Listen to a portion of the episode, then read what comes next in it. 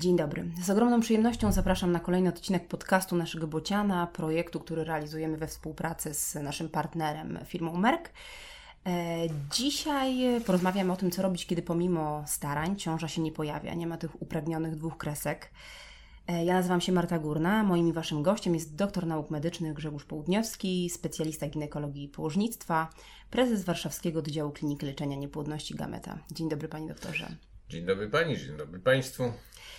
E, panie doktorze, badania e, wskazują na to, że e, nawet co piąta para w wieku rozrodczym ma problem ze spontanicznym poczęciem dziecka. To naprawdę bardzo dużo. Czy w Pana praktyce, bo wiem, że pracuje Pan nie tylko z pacjentami niepłodnymi, widzi Pan zauważalny wzrost ilości tych par, które trafiają do Pana właśnie z takim problemem, problemem niemożności zajścia w ciążę?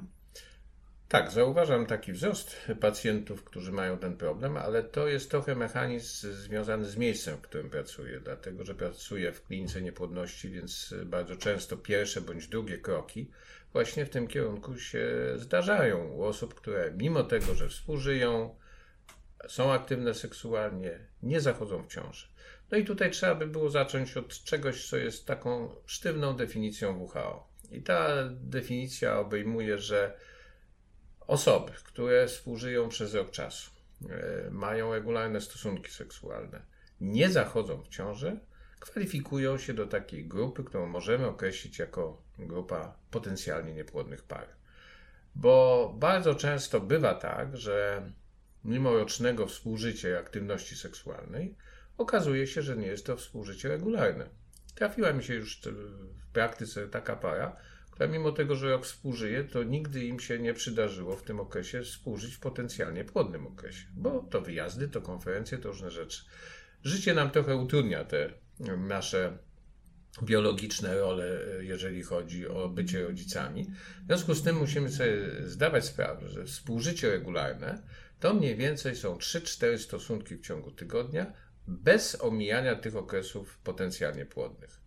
Czyli tak naprawdę jest to aktywność seksualna no dosyć wysoka, ale u młodych ludzi, którzy podejmują decyzję o e, zajściu w ciążę, ta aktywność seksualna daje się zrealizować.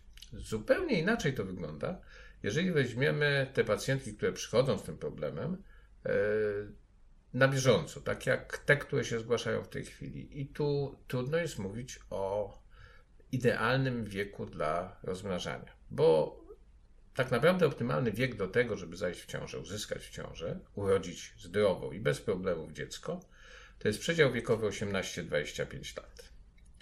Brzmi to trochę nie, z niedowierzaniem w Europie, gdzie tak naprawdę warunki socjalne, wiele czynników e, związanych z ekonomią, z obyczajami przepchnęło tą, e, ten moment posiadania pierwszego dziecka na znacznie później. I tak jak w latach 90. Polki statystycznie rodziły pierwsze dziecko w mniej więcej 25-26 roku życia.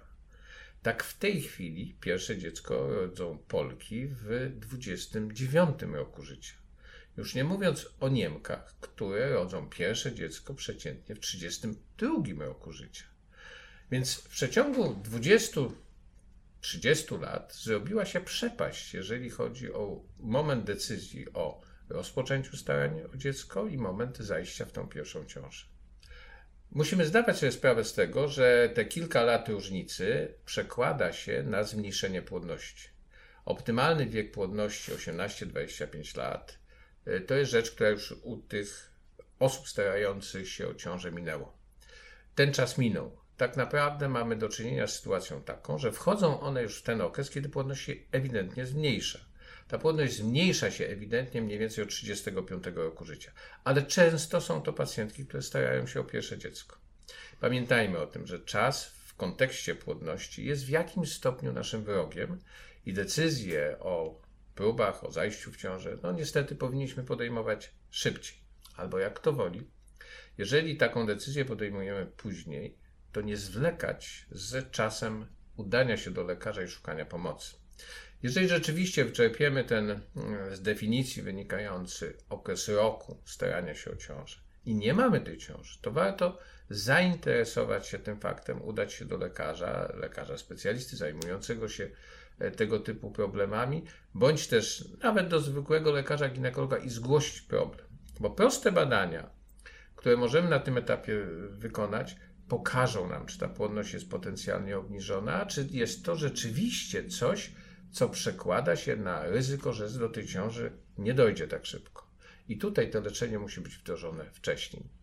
Nie bez kozery ESHE, Europejskie Stowarzyszenie do Spraw Leczenia Niepłodności, zaleca, żeby u par po 35 roku życia czekać już tylko pół roku. Mhm. U par, które kończyły 40 rok życia, w ogóle nie czekać. Po prostu od razu zgłosić się do lekarza i sprawdzać, czy wszystkie parametry fizjologiczne funkcjonują prawidłowo. I to jest no, produkt naszej kultury, cywilizacji, że w świecie bogatym, takim jak jest Europa czy, czy e, kraje anglosaskie, ten świat zasobny niestety na ciążę decyduje się ciutkę zbyt późno od tego momentu, co oczekuje biologia. Mhm.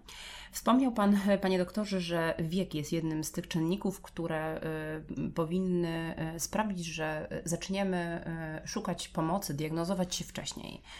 A czy są jakieś inne e, symptomy, e, kwestie, które e, powinny sprawić, że rzeczywiście nie będziemy czekać rok, tylko po kilku miesiącach sprawdzimy, czy rzeczywiście nasza płodność jest na wystarczającym poziomie, czy nie mamy problemów zdrowotnych, które uniemożliwią spontaniczne zajście w ciążę?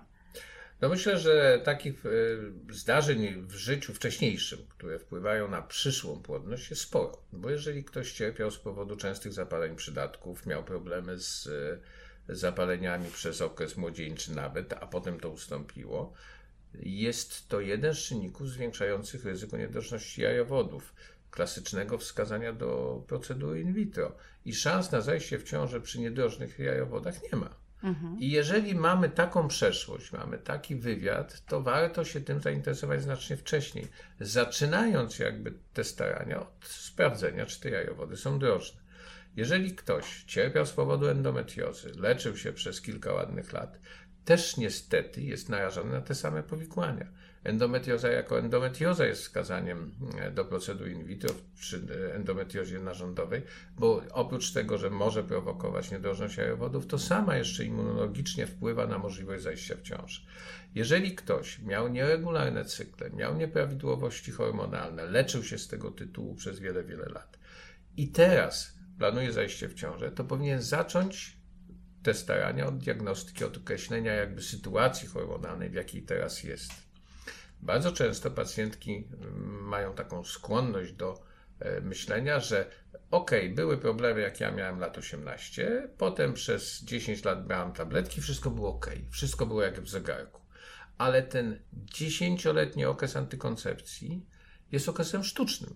On nie ma w ogóle nic wspólnego z autentycznym zdrowiem tych pacjentek, które wynikają z ich autentycznym, swoistym, osobistym przebiegiem cyklu. I dopiero jak odstawimy tą antykoncepcję, jak zobaczymy, jak te cykle funkcjonują, to dopiero wtedy możemy podjąć jakąś decyzję, czy rzeczywiście jest to czynnik ryzyka dla przyszłej płodności, czy też nie. Mhm.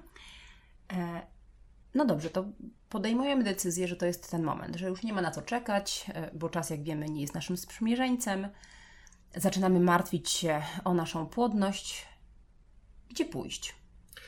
Ten, pier ten pierwszy moment, ten pierwszy wybór miejsca, do którego się udajemy?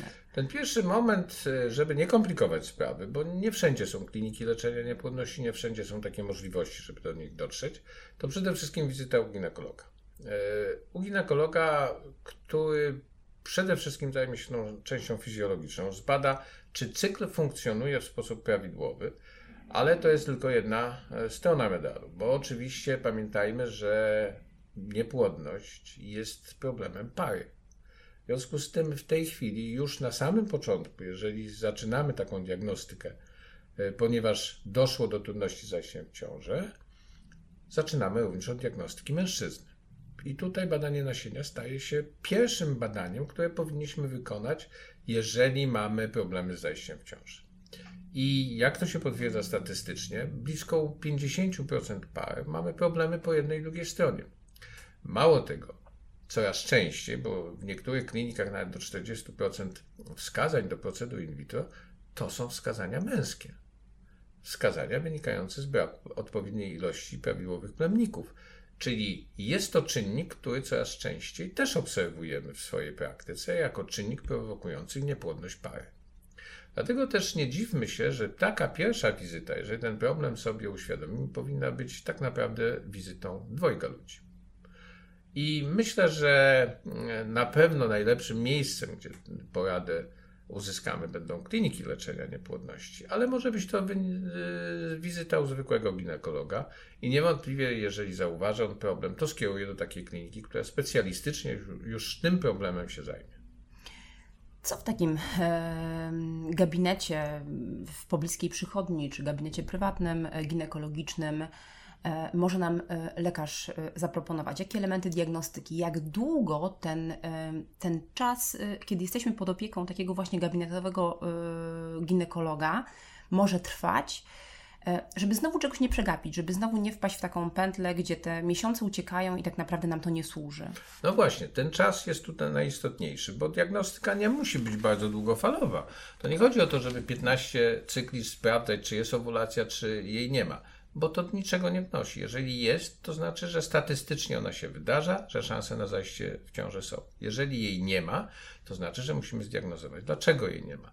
Takie badania teraz są tak naprawdę dostępne w bardzo szerokim zakresie, w zwykłym gabinecie ginekologicznym, bo zacznijmy przede wszystkim od możliwości badań hormonalnych. Możemy zbadać hormony w trakcie cyklu, możemy sprawdzić, czy cykl działa poprawnie, możemy sprawdzić, jaka jest wyjściowa sytuacja na początku cyklu, określić e, rezerwę jajnikową poprzez badanie e, AMH, antymillerian hormonu, który pośrednio nam mówi, to nie jest absolutnie wyrocznie, ale pośrednio nam mówi, czy rzeczywiście ta rezerwa jajnikowa jest bogata, czy też nie.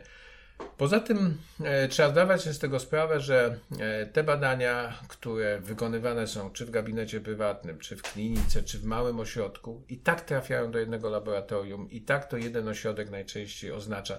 Więc nie kłóćmy się, że musi być to zrobione w tej klinice i nigdzie więcej, bo tak nie jest. Te badania często wykonuje jedna duża pracownia laboratoryjna i tak naprawdę, czy one są z małej miejscowości, czy z dużej, mają taką samą wartość. Jeżeli w tych badaniach obserwujemy nieprawidłowości, jest to niewątpliwie sygnał do tego, żeby tym się zająć. I nie można sobie tego odpuszczać, że o, w następnym cyklu będzie dobrze. I to jest jeden z takich parametrów, który e, czasami trudno ludziom wytłumaczyć. Bo płodność e, to jest zjawisko statystyczne. Bo to nie jest tak, że para jest niepłodna ponieważ tak naprawdę ona ma większe bądź mniejsze szanse na zajście w ciąży. I często się słyszy, och, 10 lat się leczyłam, przestałam się leczyć, zaszłam w ciąży. Oczywiście trafił się ten moment, kiedy ta statystyka się w końcu spełniła i doszło do możliwości zapłodnienia przy dobrej kondycji plemników, często na wakacjach, co służy płodności. Więc zdajmy sobie z tego sprawę, że jest to zjawisko statystyczne i my robimy wszystko, żeby spiąć oba czynniki, męski i żeński, tak, żeby ta statystyka zadziałała akurat w tym miejscu, w tej chwili.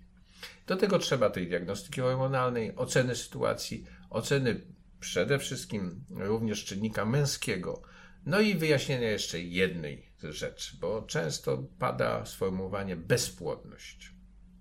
Niepłodność i bezpłodność to są dwie różne rzeczy. Pary bezpłodne, które też takie są, to są pary, które nie mają gamet. To są pary, które nie mają możliwości zajścia w ciążę, ponieważ nie ma komórek rozrodczych. I to jest zjawisko rzadkie, wynikające z różnego typu wad genetycznych, które upośledzają pro, proces tworzenia gamet. Cała reszta populacji jest niepłodna, czyli statystycznie ma obniżone wskaźniki swojej potencjalnej płodności.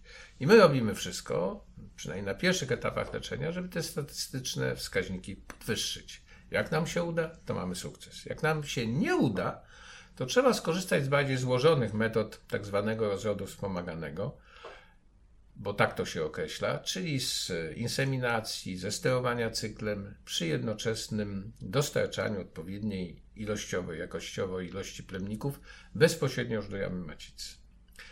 Ta inseminacja jest procedurą stosunkowo prostą, e, dającą, no może nie rewelacyjne efekty, bo w granicach od 8 do 15% efektywność takiej procedury na jeden cykl e, występuje, ale ja często tłumaczę pacjentkom, że to jest i tak więcej niż zero.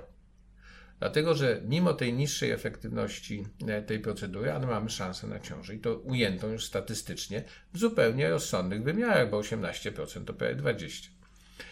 Jeżeli przełożymy inne metody na przykład procedury in vitro, e, to oczywiście ta statystyka jest korzystniejsza, jest, ale są to procedury również bardziej złożone.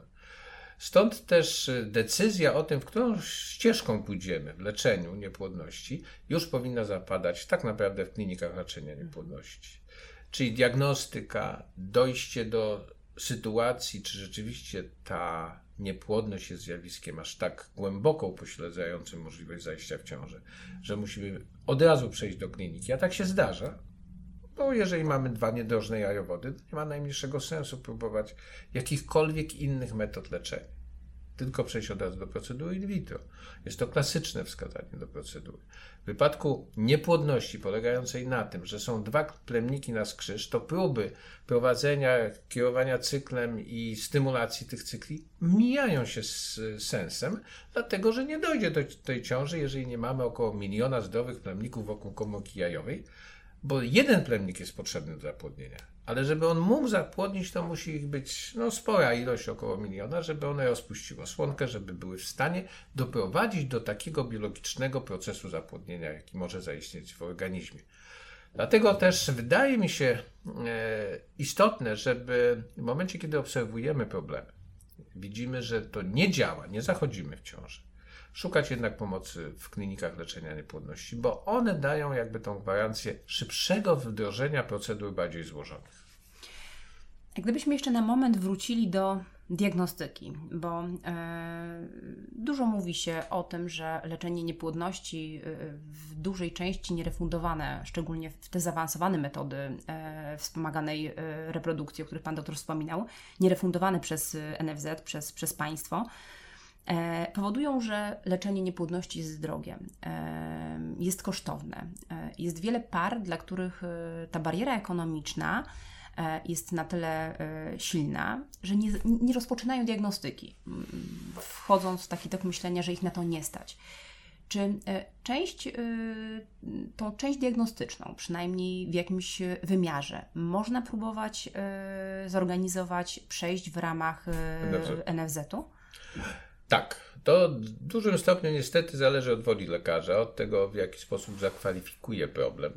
Dlatego, że jest z jednej strony brak refundacji niektórych procedur, a jeżeli to jakby zakwalifikujemy do innego koszyka, to ten zwrot refundacji się już okazuje do zrealizowania. Przede wszystkim dotyczy to badań hormonalnych do, związanych z zaburzeniami cyklu i one są w stanie być zrealizowane w kosztach NFZ-u. E, dwa, w wypadku procedur, które dotyczą leczenia niepłodności, takie badania jak kwestia drożności jajowodów, są również refundowane przez NFZ, ale w warunkach szpitalnych. Nie zawsze właśnie szpitale chętne są do e, kwalifikowania tych pacjentów, ale to jest do ogarnięcia w sensie organizacyjnym i tak naprawdę NFZ powinien za to e, zapłacić. Również w trakcie takiego pobytu w szpitalu warto zrobić cały profil badań hormonalnych, bo one też wchodzą w ten pakiet związany z diagnostyką e, endokrynologiczną, który może być w szpitalu zrealizowany i refundowany dla tego szpitala. Na pewno jest to kwestia dobrej woli e, lekarzy, którzy się zajmują taką pacjentką, ale również, nie ukrywam, dopominania się o tak zwane swoje, dopominania się o to, że pewne rzeczy mogą być zrealizowane w ramach e, dostępnych procedur i myślę, że to jest taka ścieżka, która pozwoli na to, żeby częściej e, pacjenci przychodzili do klinik niepłodności w dużym stopniu zdiagnozowani, w dużym stopniu już po odbyciu tych e, większości badań podstawowych, które pozwalają na postawienie diagnozy. E, to jest o tyle ważne, że im szybciej mamy diagnozę, tym szybciej jesteśmy w stanie obrać odpowiednią ścieżkę w kierunku odpowiedniego i skutecznego leczenia. A jak bardzo zróżnicowana jest ta ścieżka leczenia? Bo e, zdarza się słyszeć takie uproszczenia, mm, generalizowanie, że kliniki leczenia niepłodności to są kliniki in vitro. E, panuje takie przekonanie, że jeżeli pacjenci trafiają do specjalistycznego ośrodka, to w zasadzie e, ile by się nie, nie leczyli, tak, to finalnie korzystają z tych najbardziej zaawansowanych metod leczenia niepłodności. Czy rzeczywiście tak jest?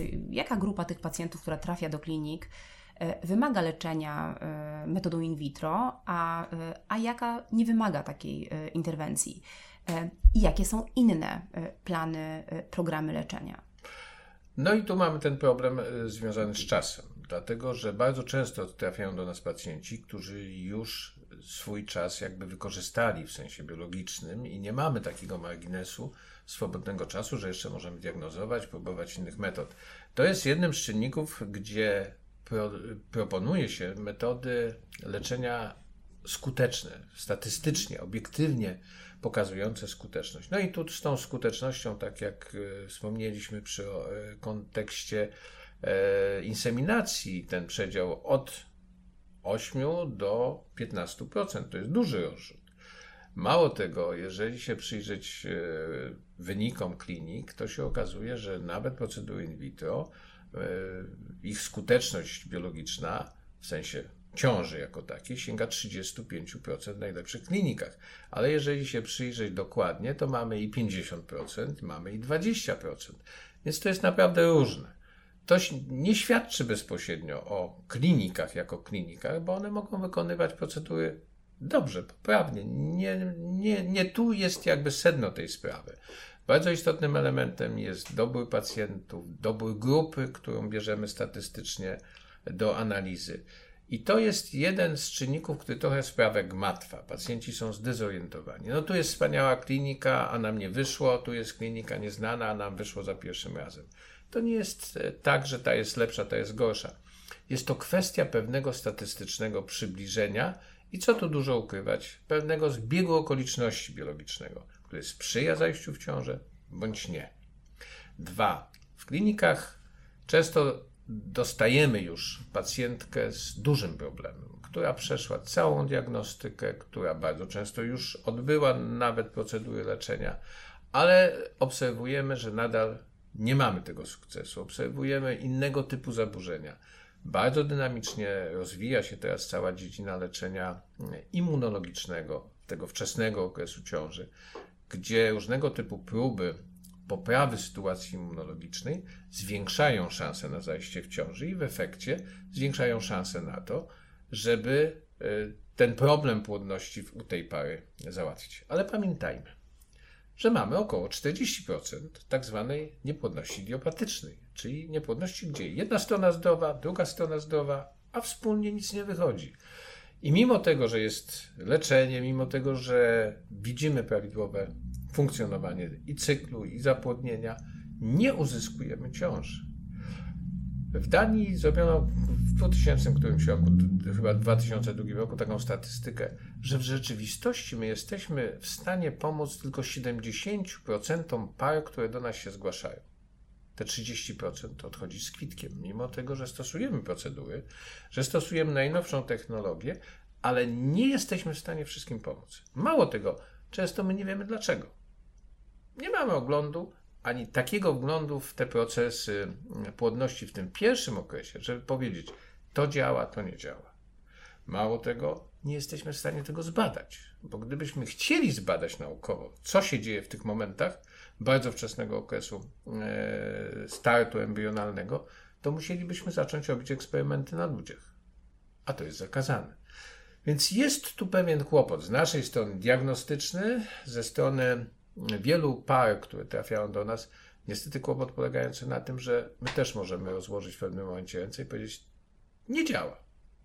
I niestety dotyczy to aż 30% par, które się do nas zgłoszą. Mówił Pan doktor o tym, że e, nie zawsze wiadomo, dlaczego się nie udaje, ale czy y, jest jakaś grupa czynników, grupa pacjentów, o której można powiedzieć, że, że te rokowania rzeczywiście są e, nie najlepsze? Dla tych akurat y, par, dla tych osób, które do Państwa trafiają? No bardzo często kojarzy się to z różnego typu chorobami immunologicznymi. W tej chwili, jak wspomniałem, ta diagnostyka w kierunku immunologii dosyć prężnie się rozwija i rzeczywiście y, pomoc u tych par y, działa, czyli te czynniki immunologiczne są w stanie poprawić efektywność. Dwa, na pewno takimi mm, parami będą pary, które przegapiły trochę swój czas Wracam non-stop do wieku i o decyzji o podjęciu leczenia. Jest to naprawdę bardzo istotne i ważne, żeby nie zwlekać tą decyzją, żeby podejmować tą decyzję wcześniej.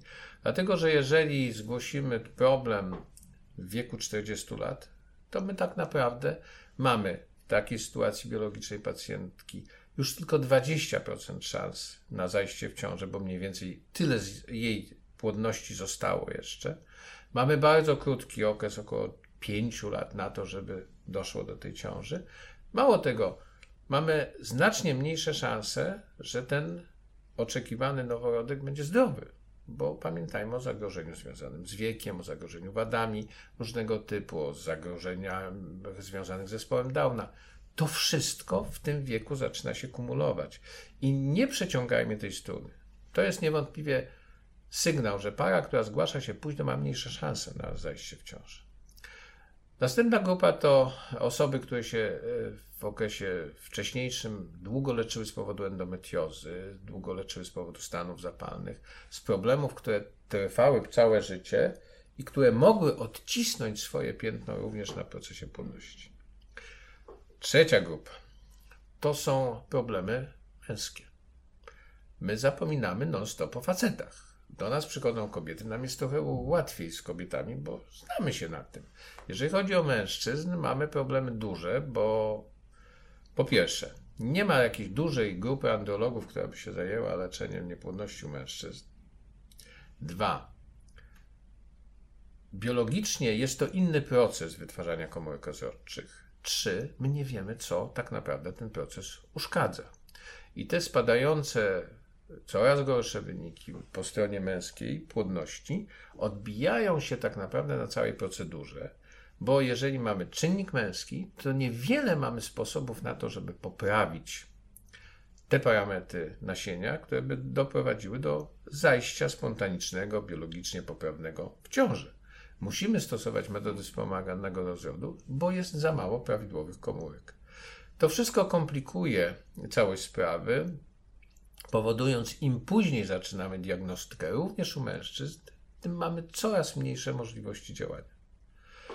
No i rzecz chyba e, ostatnia, co w jakim stopniu ma związek z tym, że trafiając do kliniki leczenia niepłodności, dosyć szybko uzyskamy odpowiedź, że jedyną szansą na zajście w ciążę będzie in vitro.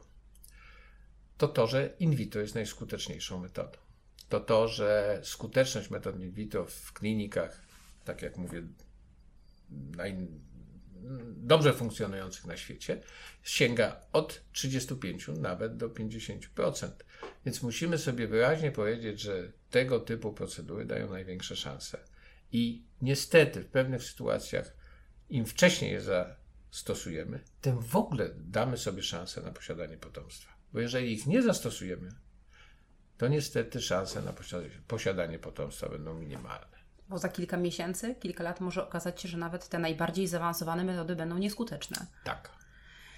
E, a kiedy powiedzieć sobie dość? Bo jak jesteśmy przy tych trudnych e, przypadkach i historiach e, i mówimy o leczeniu, które bywa nieskuteczne, e, no to mamy w głowie historie, które ciągną się latami. E, starania dziesięcioletnie, e, kilka, kilkanaście czasami procedur in vitro, niezliczone transfery. Czy jest taki moment, w którym trzeba po prostu odpuścić?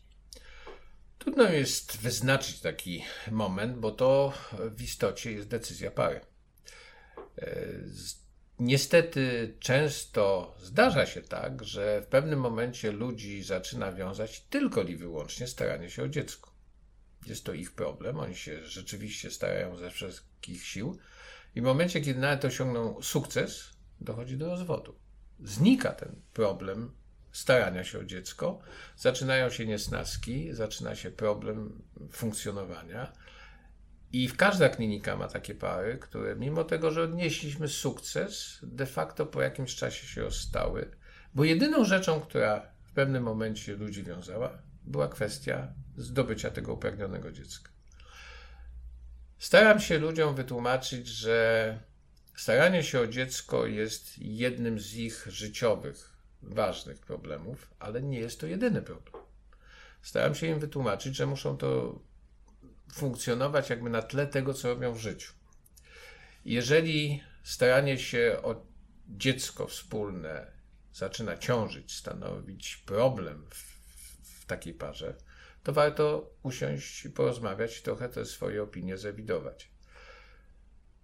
Jest to bardzo trudne, bo często musimy korzystać e, z porady psychologów, psychoterapeutów, dlatego że bardzo często ludzie o tym zapominają. Że ten problem zaczyna być ich głównym problemem, z jednej strony ważnym, ale z drugiej strony jedynym, który czasami ich wiąże. E, to się dzieje oczywiście w takich sytuacjach, kiedy ta terapia trwa wiele lat, kiedy rzeczywiście robi się mm, z tego problem życiowy dla tej pary. Ale nie zapominajmy, że tutaj pomoc psychologiczna jest naprawdę potrzebna i wskazana. I dopiero wtedy warto mówić o kontynuacji y, tej procedury, kiedy ludzie się na to rzeczywiście w sposób świadomy godzą. Bo mimo wszystko nerwy, oczekiwanie, rozczarowanie będzie towarzyszyć każdej procedurze leczenia niepłodności. Bo tak z tym jest. Taka jest biologia. E, badania e, wykazują, że nawet 17% kobiet, e, które zmagają się z niepłodnością, zmagają, zmaga się również z depresją. To pokazuje, jak bardzo obciążające psychicznie jest leczenie niepłodności. Tam postawiona została również taka teza, że stres towarzyszący leczeniu niepłodności jest tak samo mocny jak ten, który towarzyszy leczeniu onkologicznemu.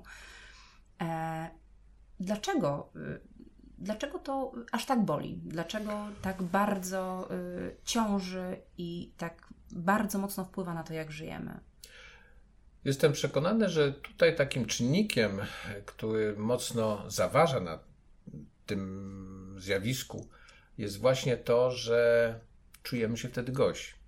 Bo jak to Kowalskiemu z jedynki wychodzi to za każdym razem, jak się napije, nie? A my niestety staramy się tyle lat i nic nam nie wychodzi. Czujemy się biologicznie gość. I to jest jeden z problemów osób, które wiele lat starają się o ciążę, bo oni mają takie poczucie biologicznej inności, no i niestety gorsze samopoczucie pod tym względem.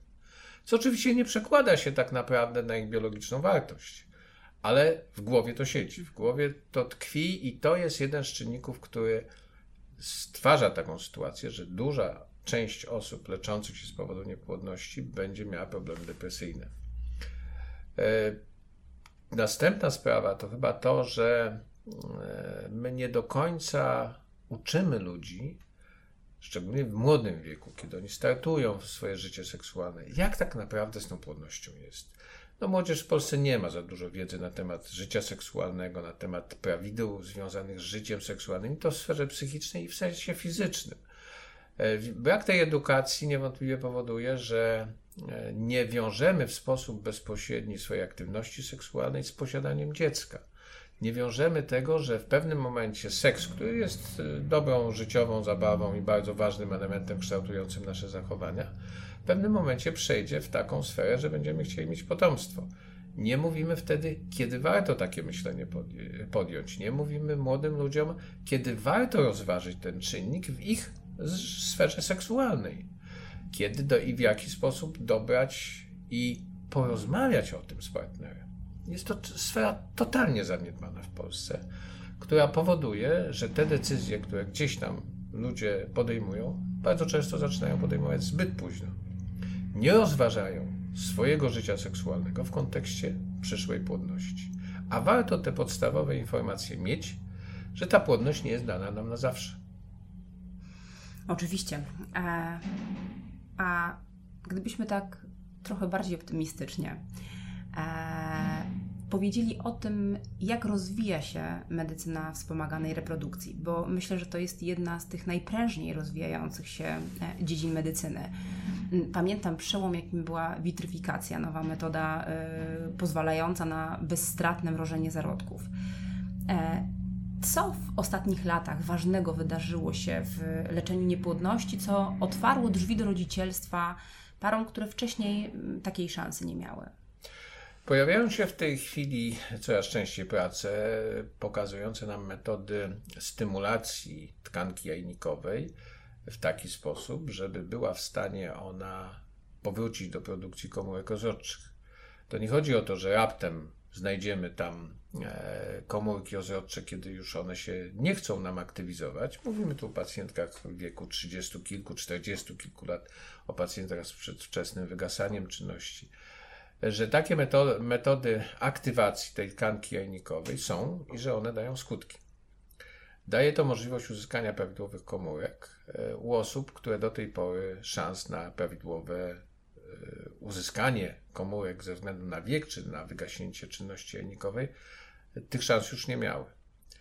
E, mało tego, daje to szansę również, rozwijając jakby tą metodę, na utrzymanie płodności dla osób, które taką płodność mogą stracić. Ja tu mówię o onkologii, o zabezpieczeniu płodności na przyszłość. To są zjawiska, które są jakby uświadomione i bardzo dobrze, że tak się stało. Dla osób, e, które w wyniku procedur leczniczych mogą płodność stracić, że oni mogą kiedyś do myślenia o dziecku wrócić. E, I to się zmieniło rzeczywiście bardzo szybko. Na pewno, tak jak e, pani wspomniała, wiąże się to z nowoczesnymi technologiami. I to jest rzeczywiście coś, co się przekłada na coraz szybsze wejście tych technologii do procedur, z drugiej strony daje szansę, że możemy większej grupie pacjentek pomóc. Bo okazuje się, że w takich jajnikach, które nic już nie robią i nie jesteśmy w stanie je pobudzić, tam w środku bywają komórki rozrodcze, tylko trzeba w inny sposób aktywizować. Więc to jest niewątpliwie taka przyszłość e, na najbliższe lata, że poszerzymy tą grupę i to jest przynajmniej dla świata zachodniego, gdzie kobiety później się decydują na posiadanie potomstwa, bardzo ważnym czynnikiem, o tą grupę, która do tej pory nam już umykała, czyli nie byliśmy w stanie pobudzić komórek do rozwoju. Miejmy nadzieję, że te procedury pozwolą nam na to, żeby u starszych kobiet uzyskać prawidłowy genetycznie materiał do rozrodu. A tolerancja wiekowa ciąży to jest bardzo trudne pytanie. To jest jedno z pytań, które chyba zaczyna potrącać o kwestię, na ile mamy wpływać na decyzje ludzi, na ile nie. Bo ja uważam, że jeżeli ktoś decyduje się na to, żeby mieć dziecko w późnym wieku, to ma do tego prawo, bo to jest jego życie i jego płodność. My powinniśmy jako lekarze stworzyć warunki optymalne do tego, żeby ta ciąża powstała, żeby ta ciąża została donoszona i żeby nie odbiła się negatywnie na zdrowiu tej pacjentki. Cała reszta decyzji musi być po stronie tej pacjentki. Dwa, tak naprawdę y, trzeba zdawać sobie z tego sprawę, że biologicznie decyzja o tym, kiedy chcemy być rodzicami, przesuna, przesunęła nam się na wiek późniejszy. W związku z tym i tych pacjentek, które później będą chciały y, zajść w ciążę, będzie coraz więcej. Są takie historie tacy pacjenci, którzy w sposób szczególny zapadają panu doktorowi w pamięć? O, mnóstwo jest takich pacjentów, e, którzy zapadają w pamięć. Przede wszystkim dlatego, że czasami sukces jest ogromny i nieoczekiwany. Mimo tego, że mamy do czynienia z, no, z beznadziejną sytuacją, udaje się nam stworzyć optymalne warunki do tej ciąży dochodzi. Dwa, czasami jest tak, że ten sukces nie następuje. I kwestia umiejętnego pokazania pacjentom, że nie ma sensu, nie ma siły już i w nich, i to widać, że często, że tej siły nie ma, żeby starać się o ciążę, jest bardzo istotnym argumentem za tym, żeby myśleli nad innymi rozwiązaniami. Nie wspomnieliśmy o tym, ale warto uwzględnić adopcję, warto uwzględnić adopcję komórki jajowej, skorzystanie z dawstwa komórek, E, to rzeczywiście jest rzecz, która też w ostatnich latach się dosyć e, szybko rozwija, bo takie są potrzeby. Tego wymagają ludzie i szanse na to, żeby posiadali własne potomstwo, również na tej zasadzie, przynajmniej w połowie, może być zrealizowane. A to są mm, tym bardziej dobre wiadomości, że mm, statystyki dotyczące sukcesów y, właśnie procedur y, z wykorzystaniem na przykład y, zarodka dawców czy komórki dawczyni są bardzo obiecujące. Tak, to są rzeczywiście efekty dobre, no w jakim stopniu wytłumaczalne, że przede wszystkim dawcami są młodzi ludzie. To są ludzie, którzy mają ten okres szczytowej prokreacji właśnie E, realizują go jakby na bieżąco. Są w trakcie. Są w trakcie, tak. I to jest jeden z argumentów e, sugerujących, żeby o tej płodności pamiętać. Mimo ubiegającego szczęśliwie, mam nadzieję, dla wszystkich czasu, pamiętajmy o tym, że jeżeli chcemy myśleć o potomstwie, to lepiej pomyśleć wcześniej niż później. Ma Pan jakieś zawodowe marzenie? Na coś Pan bardzo czeka, na coś bardzo liczy? Chciałbym, żeby była możliwość stworzenia komórek rozrodczych na zasadzie pobrania komórki somatycznej, wyhodowania w odpowiedniej kulturze komórki rozrodczej i skorzystania z niej jako materiału genetycznego na przyszłość. Tak się dzieje w laboratoriach w stosunku do myszy. Jesteśmy trochę bardziej złożonymi tworami biologicznymi, więc u nas to jeszcze dużo czasu upłynie, ale jestem przekonany, że e, tego typu wysoko ztechnicyzowane, takie trudne procedury też trafią do medycyny rozrodu. Niech się stanie i będzie szansą dla tych, którzy takiej właśnie szansy potrzebują. E, bardzo dziękuję, że zgodził się Pan e, z nami spotkać i znalazł czas dla naszych słuchaczy i dla naszego bociana. E, wielu sukcesów życzę, wielu, wielu ciąż, wielu dzieci. A Państwu dziękuję za uwagę i zapraszam na kolejny podcast, tym razem o męskich sprawach. Ja dziękuję. też bardzo dziękuję i w takim razie życzę Państwu, żeby wszystkie marzenia się spełniły. Dziękujemy.